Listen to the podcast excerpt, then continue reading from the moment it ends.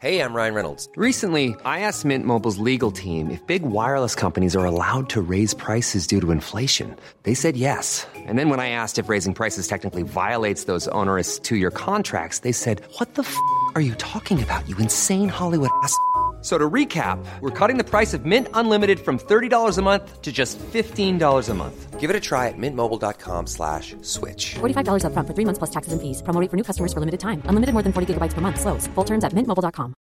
This is Paige, the co-host of Giggly Squad, and I want to tell you about a company that I've been loving, Olive and June. Olive and June gives you everything that you need for a salon quality manicure in one box. And if you break it down, it really comes out to $2 a manicure, which is absolutely insane. It's also so easy to get salon worthy nails at home with Olive and June. The difference between how your nails used to look when you did them yourself and now with the Manny system is a complete game changer. The best thing about Olive and June too is it's a quick dry. Dries in about 1 minute, lasts for 5 days and full coverage in up to 1 to 2 coats. Visit oliveandjune.com slash perfectmanny20 for 20% off your first system. That's oliveandjune.com slash perfectmanny20 for 20% off your first system.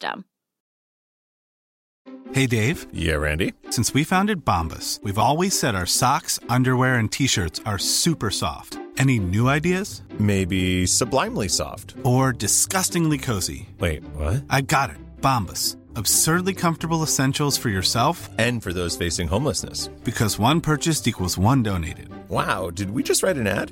Yes. Bombas. Big comfort for everyone. Go to bombas.com slash ACAST and use code ACAST for 20% off your first purchase. Palmemordet. GH Christer A. Del 1. Ja, vi är nu framme vid det första spåravsnittet av Palmemordet och det har ni gjort möjligt genom att sponsra mig på patreon.com slash palmemordet. Om ni tycker Patreon är jättekonstigt, där kan ni även se listan på spår som finns och så vidare. Så kan ni även sponsra mig på Swish eller på Paypal. Eh, Säg till på Facebook i så fall, facebook.com palmemordet. Det här är första gången jag gör ett spåravsnitt. Det har varit väldigt mycket jobb. Jag tror det kommer att bli tre avsnitt om den här mannen, Christer A. eller GH. Mina källor för vad jag skriver är först och främst Granskningskommissionens rapport. Eh, Granskningskommissionens betänkande i anledning av brottsutredningen efter mordet på statsminister Olof Palme från 1999. Om ni vill läsa den ska ni läsa sid 955 till 960. Jag kommer ha med lite mer material än så, men det är det viktigaste. Jag har även läst boken Palmes morder av Paul Smith. Boken är på danska, den är från 2012. Eh, mycket av det jag kommer att tala om är hemligstämplat. Till exempel namnet på den här mannen. Fram till ja, 2040-talet som jag uppfattar det. Men det avslöjas då för Paul Smith av en källa som man kallar för den svenske stämme. Eh, men det gäller givetvis inte informationen från Granskningskommissionens rapport som ju är offentlig. Paul Smith har skrivit två böcker om Christer A. Den första boken var Mordet på Olof Palme. Den ändlige uppklaring från 2010. Efter att ha skrivit den boken blev han kontaktad av en källa som ville vara anonym. Och det är den källan då som Paul kallar för den svenske stämme. Ja, då ska vi sätta igång då. Jag har kallat honom Daytraden förut. Han är känd som GH på grund av gärningsmannaprofilen som jag ska göra ett eget avsnitt om. Där han blir objekt H, det vill säga den åttonde personen som granskningskommissionen, eller som gärningsmannaprofilen hittar. Han har också kallats för C och han gick i pressen länge under namnet Christer Petterssons dubbelgångare. Jag måste också nämna granskningskommissionens namn på den här mannen. Ensamstående man boende i innerstaden som gjort sig av med en hittills icke återfunnen revolver av den typ som användes vid mordet. Det namnet kommer jag inte använda. Men han har ett riktigt namn då. Han heter Christer. Han heter inte Pettersson i efternamn. Han har ett vanligt svenskt efternamn. Men jag kommer att kalla honom för Christer eller Christer A. Om jag någon gång nämner Christer Pettersson i de här avsnitten så kommer jag att säga Pettersson i det fallet. Så om jag bara säger Christer så menar jag Christer A. Ja, och i maj 1996 så upprättade Palmeutredningen en sammanfattning över ärendet mot Christer A. Sammanfattningen avslutas med åtta punkter som visar vad det är som gör Christer A intressant för Palmeutredningen. Punkt 1. GH var vid tidpunkten för mordet bosatt på bekvämt gångavstånd från mordplatsen. Och vi kommer senare att diskutera precis var han bodde. Punkt 2. Christer var innehavare av en Smith Wesson 357 Magnum med 6 tums pipa. Punkt 3. Christer är en erkänt skicklig skytt. Punkt 4. Han har visat sig ha detaljkunskaper utöver det vanliga om Palmeutredningens olika skeden. Oj, den punkten skulle jag lägga risigt till på. Punkt 5. Han har fått minst två kallelser 1990 men säger sig inte komma ihåg detta. Punkt 6. Christers förklaring varför han inte har vapnet längre är föga plausibel. Punkt 7. Christer uppger att han var sängliggande hemma dagarna före, under och efter mordet. Men detta motsägs av annan utredning. Och punkt 8. Hans utseende, hållning och sätt att röra sig uppvisar förbluffande överstämmelse med uppgiften om Olof Palmes baneman. Det här är första gången vi jobbar med ett spår så kom gärna med synpunkter på upplägget. Det enda jag är säker på är att jag tänker avsluta varje spår med en gärningsbeskrivning. Det kommer alltså i avsnitt 3 då. Om man antar att det här spåret är det korrekta och är det här sättet som Palme dog på. Då ska vi berätta historien så vitt den går att förstå. Jag tycker det är ett bra sätt att visa om spåret är rimligt eller inte. Men det är också den enda struktur jag verkligen har beslutat mig för. Eh, jag vill också flagga för att jag kommer att vara väldigt entusiastisk för varje spår. Jag tror det gör podcasten bättre. Jag kände ganska tidigt när jag började läsa om Palmemordet att alla spår var så här, oj, oj, det här är jättespännande, oj, det måste ju vara på det här sättet. Tills man kommer fram till någonting tråkigt. Men jag tror att det gör podcasten bättre. Så här, jag kommer att försöka tro hårt på spåret i frågan medan jag poddar om det. Men kom ihåg att jag är ingen privatspanare. Jag har inte gjort några egna efterforskningar. Och jag är inte övertygad om vem som är Palmes mördare. Endast en dom kan avgöra den saken. Vi börjar vår historia, oj nu har jag pratat i fem minuter. Men vi börjar historien augusti 2008. En man i södra Sverige ringer till Stockholmspolisen och är orolig för sin deprimerade storebror som inte längre svarar i telefonen. Storebrodern heter Christer A. Och 1986 var han sysslar med aktiehandel då och var förmodligen en daytrader, därav spårets namn som jag använde tidigare. Den 12 augusti 2008 åker två ordningspoliser som inte har någonting med Palmeutredningen att göra ut till Tornslingan 37 i Trångsund i Huddinge kommun. Ligger söder om Stockholm, fortfarande inom Storstockholm. Ingen svarar när poliserna knackar på dörren. De ringer på igen. Till slut bankar poliserna hårt på dörren och säger lås upp! Det är polisen. Ett skott hörs. När poliserna kommer in i lägenheten finner de den då 56-årige Christer A död. Han har skjutit sig i huvudet med ett hagelgevär. Poliserna fattar absolut ingenting. Varför sköt den här killen i huvudet? När de egentligen var där för att se om han mådde bra eller inte. Och det uppdraget måste man ju säga misslyckades. Liket körs bort. Lägenheten töms. Palmeutredningen får inte veta att Christer är död förrän alla saker redan är borta och de får ingen möjlighet att gå igenom hans tillhörigheter. Så varför sköt sig Christer när polisen kom? Var det för att han trodde att han skulle förhöras om mordet på Olof Palme igen? Han hade redan blivit förhörd fem gånger 1995 och en gång 1998. Enligt Paul Smiths bok så var Christer huvudmisstänkt för Palmemordet 1998 till 2008. För att förstå varför måste vi först förstå vem Christer var. Christer A föddes 1952 i Harplinge i Halland. Han var ungkarl, han var 185 cm lång, 33 år gammal i februari 86, det vill säga han har inte hunnit fylla 34 än. Han var ensamstående och han hade väldigt god ekonomi.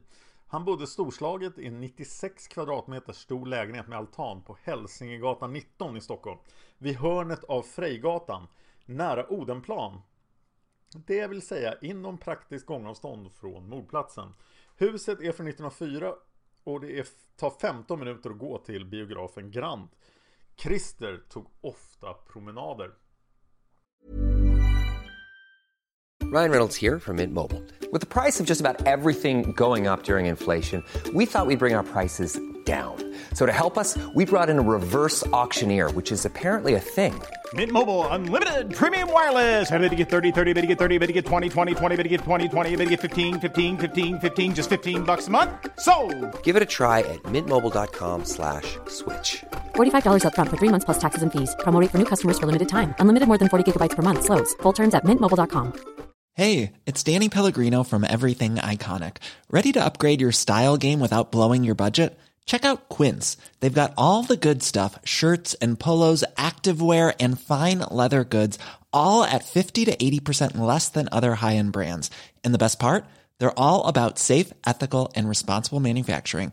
Get that luxury vibe without the luxury price tag. Hit up quince.com slash upgrade for free shipping and 365 day returns on your next order. That's quince.com slash upgrade. Cool fact a crocodile can't stick out its tongue. Also, you can get health insurance for a month or just under a year in some states. United Healthcare short term insurance plans, underwritten by Golden Rule Insurance Company, offer flexible, budget friendly coverage for you. Learn more at uh1.com. Eh, tio vittnen beskriver Christer A som smidig, kraftig, korpulent, breda skuldror, grov och lite rund omkring magen. Den svenska stämmen säger till eh, Paul Smith Christer var rätt stor. Christer A's dåvarande svägerska beskrev Christer för Tommy Lindström, chefen för Rikskriminalen. Eh, Christer A gick på samma sätt som Christer Pettersson. Han var likgiltig över hur han klädde sig, men Christer A var större än Christer Pettersson. Han var stor som en björn. Christer var icke-social. Han var inte intresserad av att ha med människor att göra. Det finns ingen känd diagnos vad jag vet, men jag kan tänka mig ett par som skulle kunna passa in. Det fanns uppgifter på att Christer A hade ett synfel och bar glasögon ibland. 1980 vann Christer en stor summa pengar på spel. Tyvärr vet vi inte hur mycket pengar det var eller vilket spel det var. Men det var tillräckligt för att Christer skulle säga upp sig från sitt jobb. Och tro att han kunde leva på pengarna. Samma år, 1980, köpte Christer A en Smith Wesson 357 Magnum. För skytte var ett stort intresse. Christer var inte dum. Han investerade sina pengar i aktier. Det var listigt att göra 1980. Det gick bra och han bestämde sig för att låna mera pengar med sina aktier som säkerhet. Gör aldrig det. Så byggs byggkrascher. Köp inte aktier för lånade pengar. Bara ett tips. Förutom en period 1992 till 1982 till 84 hade han sen spelvinster inget arbete. Och jag vet inte vad han arbetade med 82 till 84. Men efter spelvinsten så då gjorde han de aktieaffärerna och det är oklart exakt hur mycket affären han gjorde. Kanske är termen daytrader lite lös så att jag, jag släpper den nu. Några ord, år före mordet på Olof Palme sköt Christer sönder sin TV. Han sköt alltså ett skott med sin revolver på sin TV. Det låter som en vansinnigt konstig sak att göra. Han fick sitt vapen beslagtaget på grund av det här. Och enligt Paul Smith då var det under en nyhetsutsändning där Olof Palme förekom. Och det, den uppgiften måste komma från något av förhören då. Men givetvis förnekar Christer det. Vittnen uppger också att Christer hade väldigt svårt att tala om Palme. Han gick liksom i lås så fort Palme nämndes. Och hans familj undvek att tala om Palme när Christer var i närheten. Och varför det då? Ja, Christer kanske inte gillade socialdemokratisk politik som hade en mycket mer personligt skäl att tycka jätteilla om Palme. Eller åtminstone ett privatekonomiskt skäl. För att förstå det så måste vi titta närmare på händelserna i februari 1986. Den 17 februari 1986, det vill säga 11 dagar innan mordet, så avgår Refat El Sayed som Fermentas VD och aktierna rasar sedan det visat sig då att Refat El Sayed ljög om sin doktorshatt, samarbetet med Volvo sprack och börsen vacklade. Men det berör inte Christer jättemycket. Så 48 timmar innan mordet på Olof Palme är Christer mångmiljonär och sitter där i sin feta lägenhet vid Odenplan och har det relativt bra. Men den 27 februari 1986, dagen innan mordet, så driver sossarna igenom att omsättningsskatten på aktier ökar. Omsättningsskatten fördubblas. Från och med den 1 juli 1986 ska omsättningsskatten vara 2% och inte 1% som tidigare. Det påverkar de flesta aktiehandlare ganska måttligt, men för någon som gör många affärer med aktier eller har belånade aktier så är det här en fullständig katastrof. Eh, och börsen kommer att gå ner på grund av beslutet. Som socialdemokratisk, led socialdemokratisk ledare är Olof Palme ytterst ansvarig för beslutet. Det är mycket möjligt att Kjell-Olof Fält var den som hade fattat beslutet, det vill säga finansministern. Men det som händer då, vi, vi ska kanske göra ett helt avsnitt om den svarta torsdagen den 27 februari 1906. För det här var en rejäl smäll mot börsen. För börsen och marknaden blev oerhört påverkade. Och på tidnings... På löpsedlarna som satt uppe på morddagen så sa en massaker på börsen. Det är alltså det som står på löpsedlarna när Olof Palme går ut, går hemifrån och går till bion tillsammans med Lisbeth. Den här brutala aktiekraschen skulle ha fortsatt varit en stor nyhet då om inte Olof Palme hade blivit mördad samma kväll. Kurserna på Stockholmsbörsen faller 8%. Det är 17 miljarder som är bortsuddade. Christer inser här att hans ekonomi kommer att ruineras. Han har skulder han inte kan betala. Han vet att han inte kan fortsätta leva som han har gjort.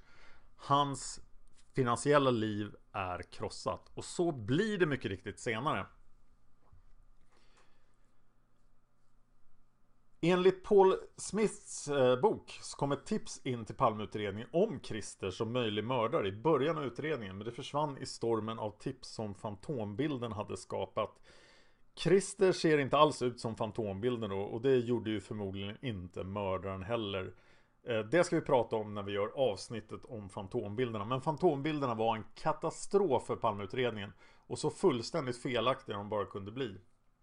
I augusti 1987, det vill säga ett år och eh, fyra månader efter mordet, fem månader efter mordet, så tvingades Christer sälja sin fina lägenhet och istället flytta ut till förorten.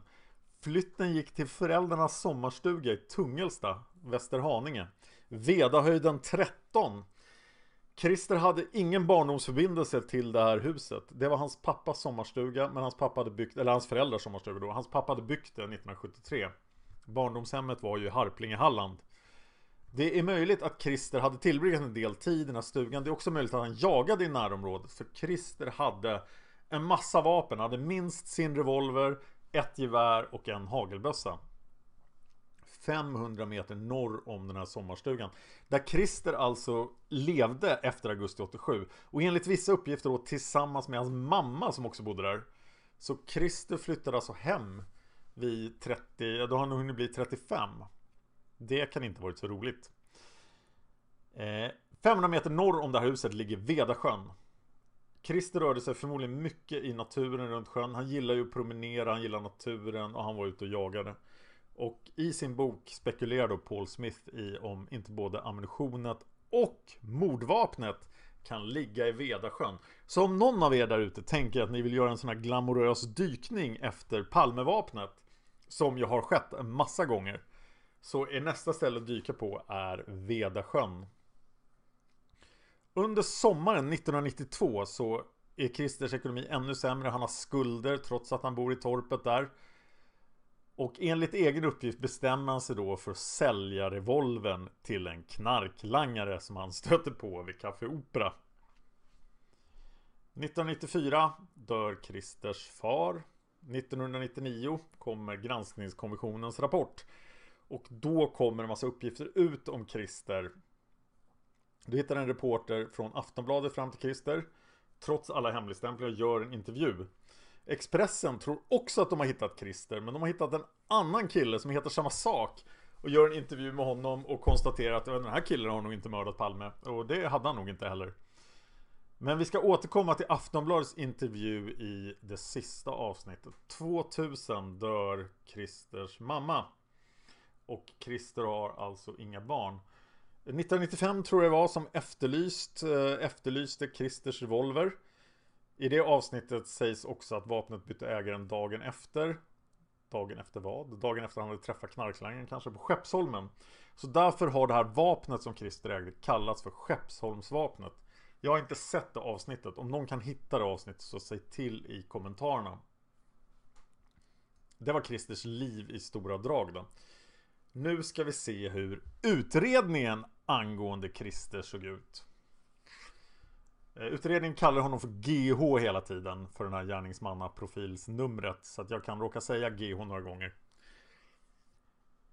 Och den börjar då med från granskningskommissionens rapport. GH, som åldersmässigt stämmer med gärningsmannens signalement, aktualiserades i Palmeutredningen genom den provskjutningsaktion som förundersökningsledningen tillsammans med spaningsledningen 1989 beslutade om.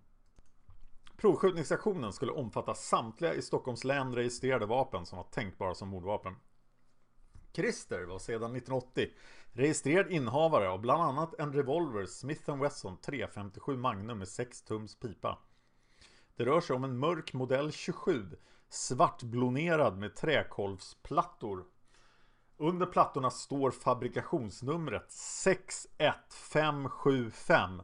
Så hittar ni en Smith Wesson, kolla under plattorna. Står det 61575 så vill Palmeutredningen ha den revolven. Så Palmeutredningen har alltså dragit igång den här enorma provskjutningsaktionen. Vi har ju pratat om den tidigare. Det rör sig om över 500, över 600 vapen som ska provskjutas. I augusti 1993 lägger Palmeutredningen märke till att vi pratar alltså sju år efter mordet att de har glömt en revolver. Det finns en revolver kvar att provskjuta. Och det är Christers revolver. Av förundersökningsregistret är det inte möjligt att få fram någon uppgift om när Christer första gången kallades till Palmeutredningen för att hans vapen skulle provskjutas. Vilken överraskning att de har misslyckats föra in det här i utredningen. Två påminnelser som skickats till Christer i januari 1990 respektive i maj 1990 har Palmeutredningen dock i efterhand fått fram kopior av. Påminnelsen är undertecknad av utredningsmannen Torsten S. Palmeutredningen har vidare i maj 1996 fått fram att två slagningar gjordes avseende Christer i oktober 1989.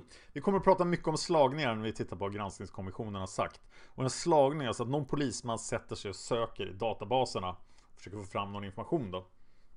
Av den ena slagningen framgår att Christer har dömts för djurplågeri och på resultatet av den andra slagningen finns två anteckningar gjorda av Torsten S. Det vill säga den här utredningsmannen. Han säger dels adr rätt 17 femte dels påminnelse 90.01.26. Den 11 januari 1994 fick Palmeutredningen kontakt med Christer per telefon. Några uppgifter om vilka ansträngningar som gjorts för att få tag på Christer före detta datum finns inte i utredningen, förutom de två påminnelserna och anteckningarna på utförda slagningar. Vid telefonsamtalet den 11 januari berättar Christer direkt att han av ekonomiska skäl hade sålt vapnet under hösten 1992 till en yngre man som han träffat på en uteservering vid Café Opera. Köparen som var av sydeuropeisk härkomst ville först sälja narkotika till Christer. Men Christer var inte intresserad av detta, för han var inte Christer Pettersson. Så de hade istället börjat prata om vapen. Christer hade berättat att han hade en revolver och mannen hade blivit intresserad av att köpa denna. Christer ville ha betänketid, man stämde därför möte på följande dag, just det, dagen efter, på samma plats och vid samma tid. Efter visst funderande hade Christer bestämt sig, han återvände nästa dag med vapnet och ett 25-tal hemladdade patroner. Han erhöll 5500 kronor som betalning. Mannen som köpte vapnet presenterades inte, men var i 20-årsåldern och cirka 180 cm lång. Revolvern var enligt Christer svartblå svartblånerad med träkolplatta. Planning for your next trip? Elevate your travel style with Quince. Quince has all the jet-setting essentials you'll want for your next getaway, like European linen, premium luggage options, buttery soft Italian leather bags, and so much more and is all priced at 50 to 80% less than similar brands. Plus, Quince only works with factories that use safe and ethical manufacturing practices. Pack your bags with high-quality essentials you'll be wearing for vacations to come with Quince. Go to quince.com slash pack for free shipping and 365-day returns. When you make decisions for your company, you look for the no-brainers. And if you have a lot of mailing to do, stamps.com is the ultimate no-brainer. It streamlines your processes to make your business more efficient, which makes you less busy. Mail checks, invoices, legal documents, and everything you need to keep your business running with stamps.com. Seamlessly connect with every major marketplace and shopping cart. Schedule package pickups and see your cheapest and fastest shipping options from different carriers with rates up to 89% off USPS and UPS rates. And with the stamps.com mobile app, you can take care of mailing and shipping wherever you are. Make the same no-brainer decision as over 1 million other businesses with stamps.com. Sign up with code program for a 4-week trial plus free postage and a free digital scale. No long-term commitments or contracts. That's stamps.com. Code program. Den 12 januari 1994 tog Palmeutredningen ny telefonkontakt med Christer för att komplettera förhöret med en fråga om vad han gjort vid tiden för mordet på Olof Palme. Christer uppgav då att han haft influensa och därför hade befunnit sig ensam i sin lägenhet. Han hade då bott i innerstaden. Christer berättade också att han var ensamstående, hade normal kroppsbyggnad, var cirka 185 cm lång. Den 13 januari 1994 gjorde Palmeutredningen anmälan till vederbörlig polismyndighet mot Christer för grovt brott mot vapenlagen. Man får inte sälja sin lagliga revolver till en knarklangare. Jag, jag har svårt att tänka mig den här konversationen. Christer är vid Café Opera av någon anledning. Han kanske tar en kaffe. Kommer det fram en snubbe. Hej Christer, vill du köpa? Nej, han vet inte att han heter Christer. Hej snubben, vill du köpa en eh, eh, massa knark? Christer bara, nej. Vill du köpa en pistol? Åh, det låter skitbra! Så att, ja, det verkar ju inte särskilt trovärdigt. Så ett åklagarinträde sker den 17 januari 1994, det vill säga en åklagare tar på sig det här eh, anmälan då för grovt brott mot vatten, eh, vapenlagen. Det är chefsåklagaren Anders Helin som är förundersökningsledare mot Christer. Och den 13 januari görs också en ny registerslagning på Christer. Och sen händer det ingenting på ett år. Och jag antar att Palmeutredningen hade fullt upp. Det här var under tiden de misstänkte vittnet Alf L som jag inte har pratat om. Och hade för sig massa andra saker. De jagade nya bevis mot Christer Pettersson. Eh, men här är, finns också fantastiska uttalanden från Ölvebro 94 att här, Palmemordet är löst inom ett halvår. Och det ska vi komma till. Men så det dröjer ända till januari 1995 innan det händer någonting. Och under den här tiden, under 94, det är egentligen största som händer då, är att gärningsmannaprofilen görs av Åsgård. Och den ska vi prata mer om i det avsnittet som heter Gärningsmannaprofilen. Men när man börjar få fram de här gärnings GMP-objekten som de kallas, personerna som är intressanta på grund av att de passar in på gärningsmannaprofilen, så är det en person som framstår som otroligt passande. Christer A. Så då blir det fart på dem igen. I början av januari 1985 tog utredningen mot Christer viss fart. Genom inre spaning, det vill säga någon satt på ett kontor och tittade i handlingar, så fick Palmeutredningen bekräftat att Christer var ensamstående. Försäkringskassan hade inte hört talas om Christer sedan 86. Kontakt togs även med Christers tidigare arbetsgivare. Och arbetsgivaren hade gjort en notering om att Christer definitivt inte var lämplig att återanställa de kollade, polisen kollade även i myndighetsregister och det fanns uppgifter att Christer hade skulder, främst avseende obetalda skatter.